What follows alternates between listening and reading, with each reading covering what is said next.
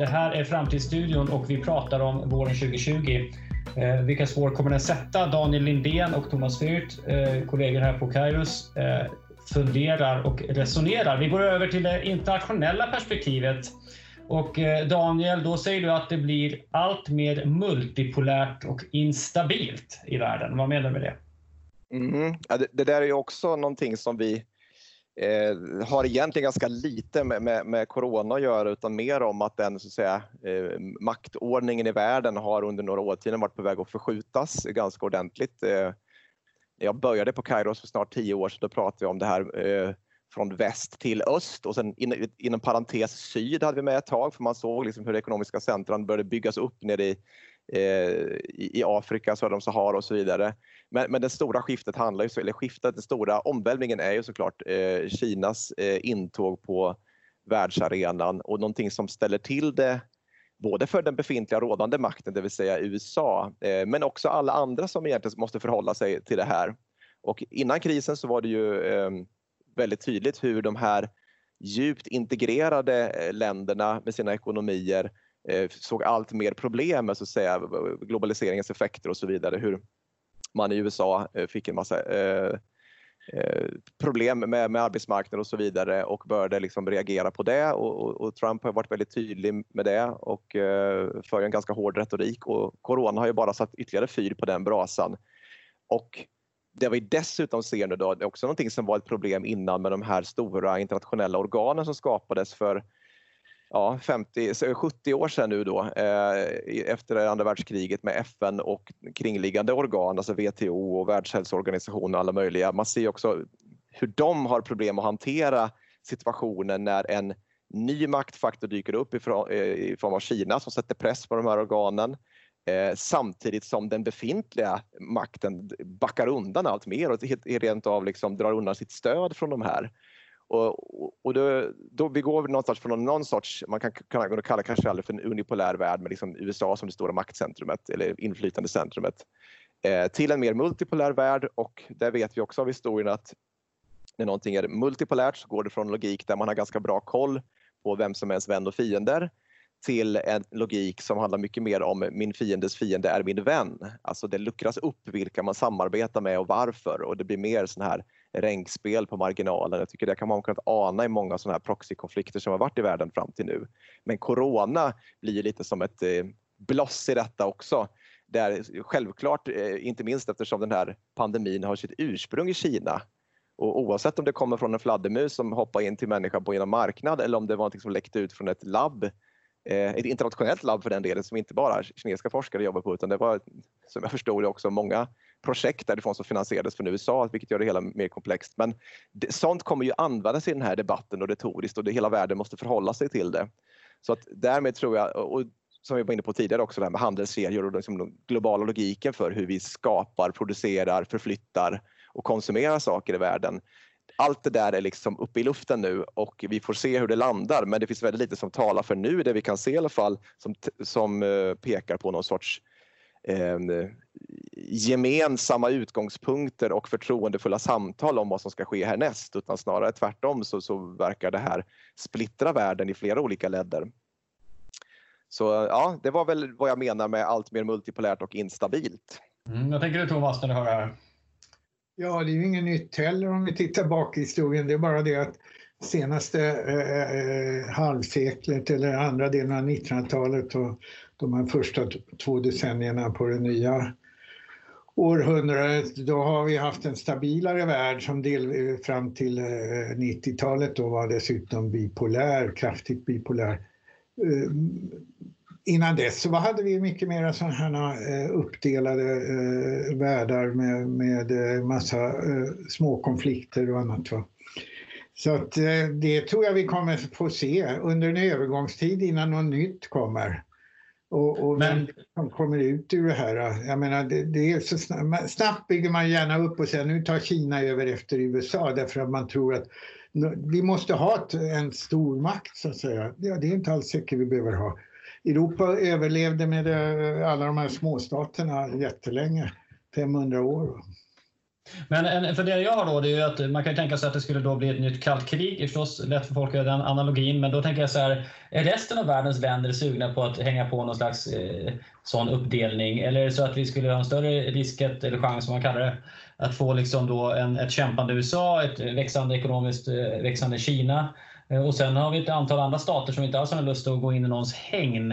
Eh, ser världen annorlunda ut på det sättet nu än efter andra världskriget? Ja, men det är det som är det läskiga med det här. Att liksom, det var inne på min fiendes fiende min vän. Alltså, nu ska vi inte dra för mycket paralleller till 30-talet, men alltså det som sker då, det, alltså när någonting radikalt sker i någon del av världen kring en sån här typ av konflikt, då, då, det, då, finns det redan under ytan ganska tydliga logiker för hur länder ska reagera. Alltså det är inte bara så Kina mot USA utan du har Kina mot Indien och, och, och Kinas liksom ambitioner i sitt närområde ligger där hela tiden under ytan. Och sen kan jag förlita om det här med liksom hur, hur Vietnam och eh, Indonesien och liksom andra länder i Sydostasien, de ställer sig till det här. Det är, det är säkert ganska klart under ytan. Så att när saker kan, om du sätter igång saker på allvar och det blir mer hätska konflikter så kommer ju länder ha en egen logik med hur de reagerar och även om man som land inte har ett intresse av att det ska bli någon stor konflikt så kommer det till syvende och sist eh, alla behöver fundera över vad, vad, vad, vad är vår roll i detta och vad är våra intressen i det här? Eh, och det låter ganska krast men, men det, det, är lite grann så geopolitiken alltid har funkat. Det finns liksom strategiska imperativ för de flesta länder som är ganska svåra att liksom, åsidosätta. Alltså, ja, du menar till exempel att eh, ha tillgång till en av världens största marknader är väl en sån eh, väldigt svår grej att åsidosätta, alltså relationen till Kina i det fallet? Ja, till exempel det. Och, och det finns eh, massa olika frågor där länder liksom sitter ihop med varandra och det finns logik med hur, hur man handlar och varför och det har historiska rötter och så vidare. Mm. Och eh, när, när saker liksom yrs upp som det gör och vi har framväxande nationer, alltså det är, nu pratar vi mycket om Kina och USA, men vi kan prata om Turkiet, vi kan prata om Mexiko, vi kan prata om länder i Sydamerika. De här spänningarna finns ju så att även där.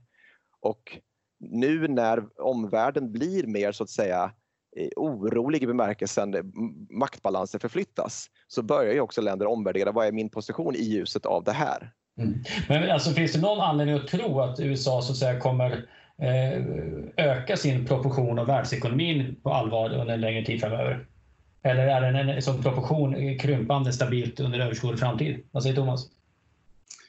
Ja, det där är svårt att säga. Alltså, det, det, det finns ju flera olika tendenser här det fanns en tendens, jag vet inte om ni kommer ihåg det, för eh, några veckor sedan eller några månader sedan när, när man började undra om, jag har ju barn som bor i, i New York och är verksamma där också och jobbar där. Eh, skulle Amerikas förenta stater hålla ihop?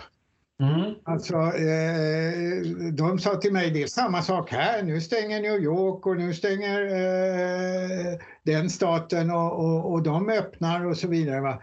Eh, och eh, frågan var om, om Trump kunde hålla ihop det här så att säga. Mm. Det där kan man tillbaka också. Va? Så det, det är ju det, ett sånt där scenario att, att eh, vi, vi ser en utveckling i USA på det sätt som vi såg i gamla Sovjetunionen. Vi såg sådana här tendenser i Sverige också, mycket små. Va? Men det var jag menar, smittskyddsläkare i, i Halland som i början sa att vi har inget med det här att göra, vi sköter vårt. Eh, eh, så att, eh, och det nordiska samarbetet som nu är, är satt under en viss frågetecken med, med den här tuffa hållningen från Norge och Danmark och Finland gentemot Sverige. Va? Så att det, det, är jättesvårt tycker jag att se var det här landar någonstans men att vi går in i en värld som är, är, är, är mycket mer osäker och där precis som Daniel är inne på äh, min väns fiende är min eh, vän så att säga och det blir konstiga allianser och, men de kan bli hemskt kortsiktiga också. Sen får vi se hur EU klarar det här. Om det bara eh, försvinner ut som eh, något i marginalen, eh, något som man använder vid högtidstillfällen eller om man lyckas med de här eh, coronaobligationer och annat eh, samla sig igen och, och bli någon, någon maktfaktor i, i världen. Mm.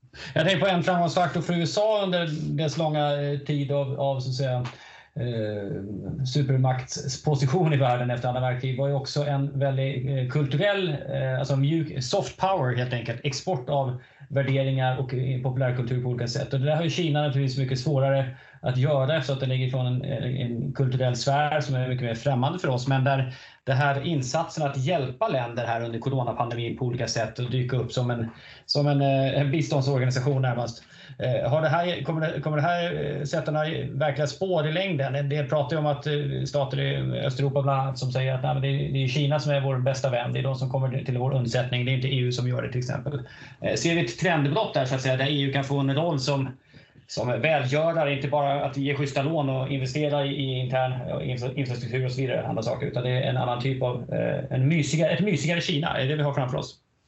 Ja, det är möjligt. Det är möjligt. Alltså, eller så är det bara att de fungerar precis som gamla Sovjet gjorde. De skickade ju ut massor av hjälp till olika eh, u-länder och så vidare också. Va? Så att, eh, eh, Marshallhjälpen ska man inte glömma, eller efter kriget som eh, Eh, tillsammans med den här kulturella eh, offensiven som var från USA. Va? Och Kina har svårare med det givetvis. Va? Så att jag tror att i det långa loppet så har de nog en mycket tuffare position. Va? Även om de kan hjälpa Italien och, och Polen plötsligt i akuta lägen. Va? Men, men återigen så tror jag Kina vet precis vad de gör. Återigen det här min fiendes fiende med vän, om man ska komma tillbaka till det igen då. Att de, de ser ju det ganska tydligt vilka andra kulturer och regimer som är, ändå förstår deras sätt att tänka i sin statsapparat med det mer auktoritära sättet och det är ju de länderna som de så att säga eh, pamprar, vad heter det på svenska, man, alltså man, man uppvaktar dem och, med hjälp och så vidare. Och, och, det är länder i både Europa men också länder i delar av Asien, det är länder i Afrika och Sydamerika och så vidare. Så jag tror att där, eh, där jobbar man ju liksom även om kulturerna inte är de samma där så ligger de ändå närmare när det kommer till människors förväntningar om vad en stat ska vara, hur den ska fungera. Eh, eh, där det skiljer sig och där kan vi också se skillnader inom EU eh, om man jämför liksom både, alltså splittringen i EU är både liksom nord mot syd i många debatter men också Visegradländerna i Östeuropa mot resten så att säga. Så att det, där finns det ju, både Ryssland och Kina har ju väl visat exempel på hur de försöker underblåsa den typen av splittringar så att, eh, ja. ja de, de hittar vänner bland de som inte är, egentligen är så sugna på att bli verkligt liberala demokratier så att säga, utan kanske nöjer sig till med pseudodemokrati. Mm. Mm. Ja, men då ska man eh, igen alltså, det fin- jag tror det ligger mycket i det ni säger, men det finns en mottendens också. Det är det här att den auktoritära staten har hemskt svårt att hantera en pandemi om den fortsätter. Mm. För eh, auktoritära och även populistiska regimer de måste uppfinna sina hotbilder själva för att då kan de kontrollera dem. De har mycket svårare att hantera något som de inte kan kontrollera. Men om jag får spela vidare? Ja. ja.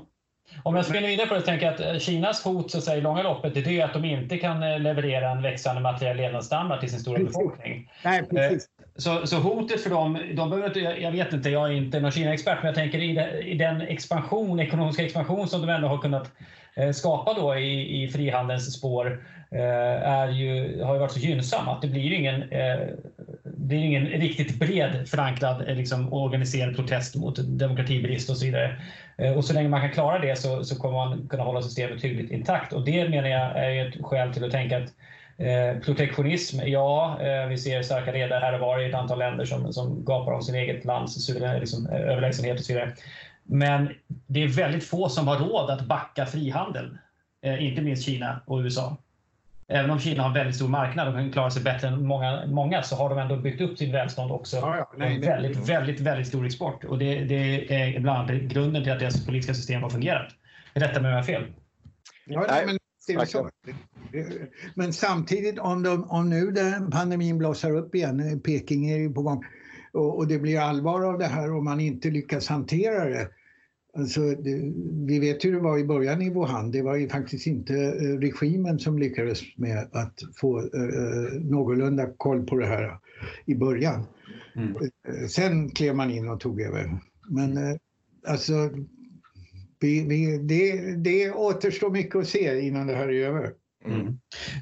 Och så ställa som kontrast mot det här då, för det som, nu pratar vi om liksom de, de eh, beslutsfattare på högsta nivå och vi pratar geopolitik och utrikespolitik och handelspolitik och så vidare. Men tittar man liksom nere i myllan hos eh, liksom världens befolkning som blir allt mer uppkopplad mot varandra så händer det ju spännande saker inom liksom, eh, Eh, bland befolkningar som knyts ihop på nya sätt. Och det här har vi sett också intensifieras under coronaepidemin. Hur vi, liksom, vi såg ju i våran eh, Consumers in Crisis-rapport liksom formandet av någon sorts eh, corona-tribe liksom, där man är eh, alone together. Liksom, man enades upp kring det här från eh, stora delar av världen kring samma, för alla är med om ungefär samma sak eh, med lite olika kulturella kontexter och konnotationer. Men, men man kan ändå så börja prata verkligen samma språk om man är med om samma sak. Men också när det kommer till eh, alltså professioner. Eh, inte bara inom liksom forskningen när det gäller medicinskt, för där har ju varit otroligt intensivt eh, och liksom hitta lösningar och, och, forska på detta och man lyssnar verkligen på varandra inom professionerna. Utan också sån här maker-rörelsen har, har, ju liksom blossat upp runt om i världen att försöka hjälpa och stödja sjukvård, få fram sådana här visir och allt vad det kan vara. Mm. Så den typen av exempel tycker jag också är superspännande att studera. Alltså, vad händer egentligen där nere i myllan? Och, eh, och vilken, vilken anda är det som så att säga kommer prägla eh, klimatet när man, när man tittar på corona? Kommer det vara den som sätts från högsta liksom, politiska nivå eller kommer man präglas mer av det som sker liksom, bottom up? Mm. Eh, och förmodligen är det en kombination, men jag tror att det där ska man heller inte underskatta styrkan i eh, liksom, vad en sån underifrånrörelse kan leda till i en värld som våran. Eh, det, ja.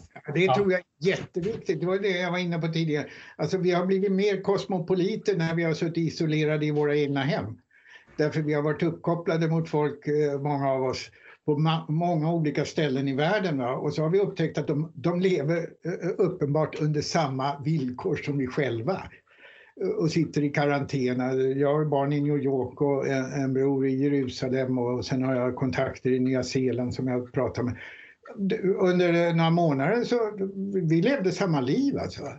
Är det här du menar med att det globala blir på distans och det lokala blir fysiskt? Ja, just det. Och, och, och, och, genom att vi då får de här globala referensramarna då blir det hemskt svårt för centrala eh, eh, politiker att försöka komma ut med ett annat narrativ. Som, eh, eller blir svårare i alla fall. Mm. Eh, där man ställer eh, länder mot varandra och, och, och bygger upp eh, motsättningar. Alltså, det kalla kriget var ju uppbyggt trots allt på att man hade ett informationsmonopol.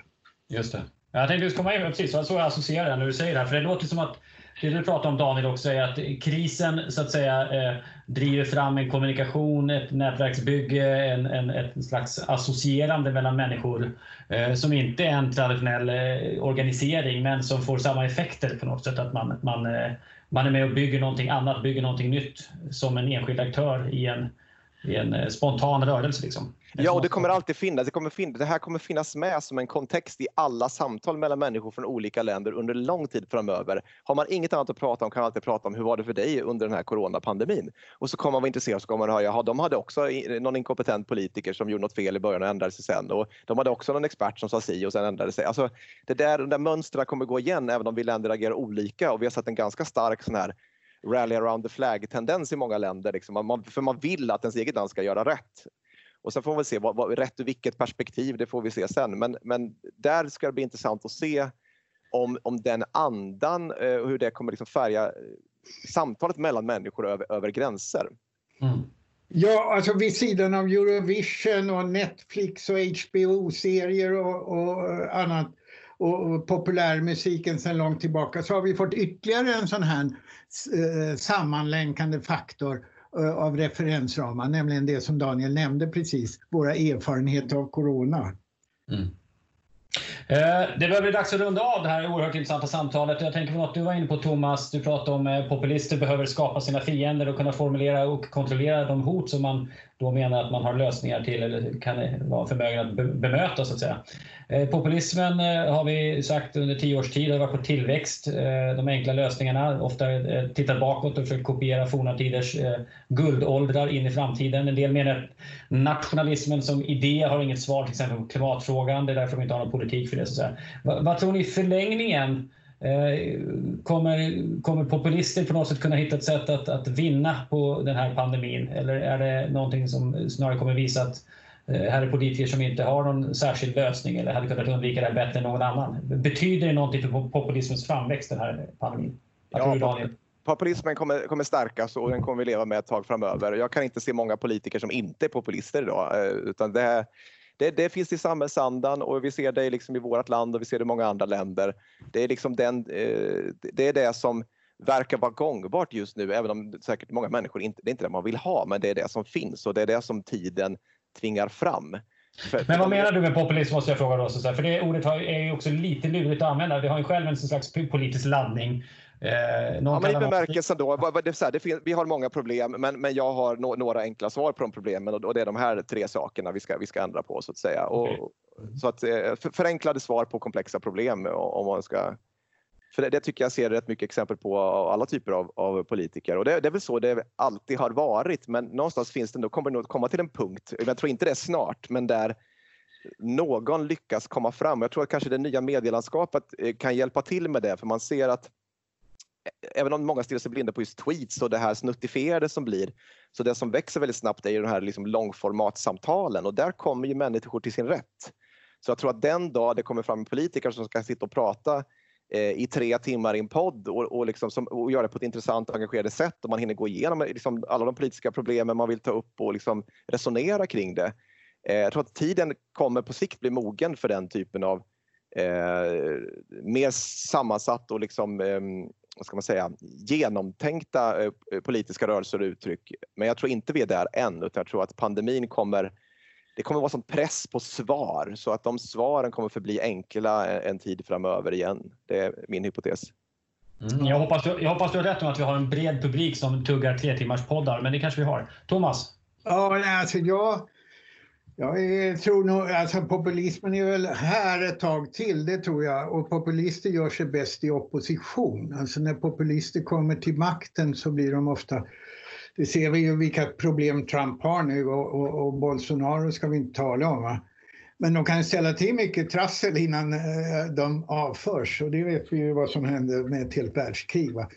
Så att eh, eh så länge de eh, etablerade politiska rörelserna och, och, och eh, de mera seriösa delarna av samhällsaktörerna inte har några gemensamt samlade eh, idéer om vart vi ska någonstans så tror mm. jag att det här kommer fortsätta. Eh, I synnerhet som eh, vi nu har tuffa tider ekonomiskt och socialt framför oss när väl de här coronarestriktionerna tunnas ut. Så att eh, igen kommer jag tillbaka till att, att de här, vad vill vi med samhället? Och vart är vi på väg någonstans och hur får man ett samhälle att hålla ihop? Jag menar, det, det, vet vi som människor också att, att det här med att man ska vara i nuet hela tiden som har varit populärt det, det, hjälper oss inte. De flesta människor lever alltid i framtiden, i alla fall en bit i framtiden, för annars vet vi inte vart vi är på väg någonstans. Och så är det nog med ett samhälle också. Mm. Och, och, då blir min slutliga, slutliga fråga, alltså vem, vem kan samla det förtroendet att leda och eller inspirera, väl vilka kan samla det förtroendet att de kan leda och inspirera in i en framtid som är komplicerad och svår att förutse? För det handlar väl om det också, att våga eller att ha någon som man kan följa in på en bana som man inte riktigt vet var den slutar. För det är inte helt glasklart. Även om man har ambitioner så vet man inte var det går.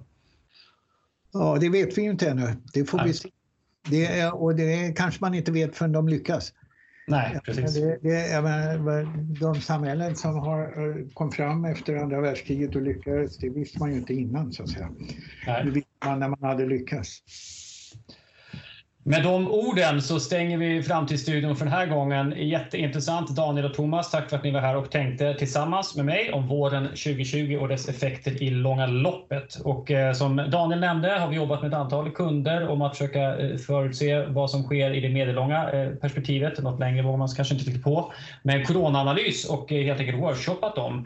Vad eh, behöver man justera i sina strategier och planer? Vad var livet före corona och hur är det nu och vad betyder det för planer och sånt? Och det har varit väldigt givande och spännande samtal som kan vara väl värda att göra. Med det sagt, tack Daniel och Thomas. Ha en riktigt skön sommar så hörs vi snart i Framtidsstudion igen. Tack för nu. Tack så mycket. Ja, tack. Sällan har det varit så uppenbart nödvändigt att försöka förstå framtiden. Men systematisk omvärldsanalys tar tid och kostar pengar. Löpande framtidskoll är en abonnemangstjänst för omvärldsbevakning får kvartalsvisa uppdateringar kring relevanta trender som analyseras tillsammans med våra framtidsstrateger. Du får den koll du behöver på kortast möjliga tid och till ett långt billigare pris än om du skulle göra det i egen regi. Läs mer om löpande framtidskoll på vår hemsida eller hör av dig på info at så återkommer vi till dig.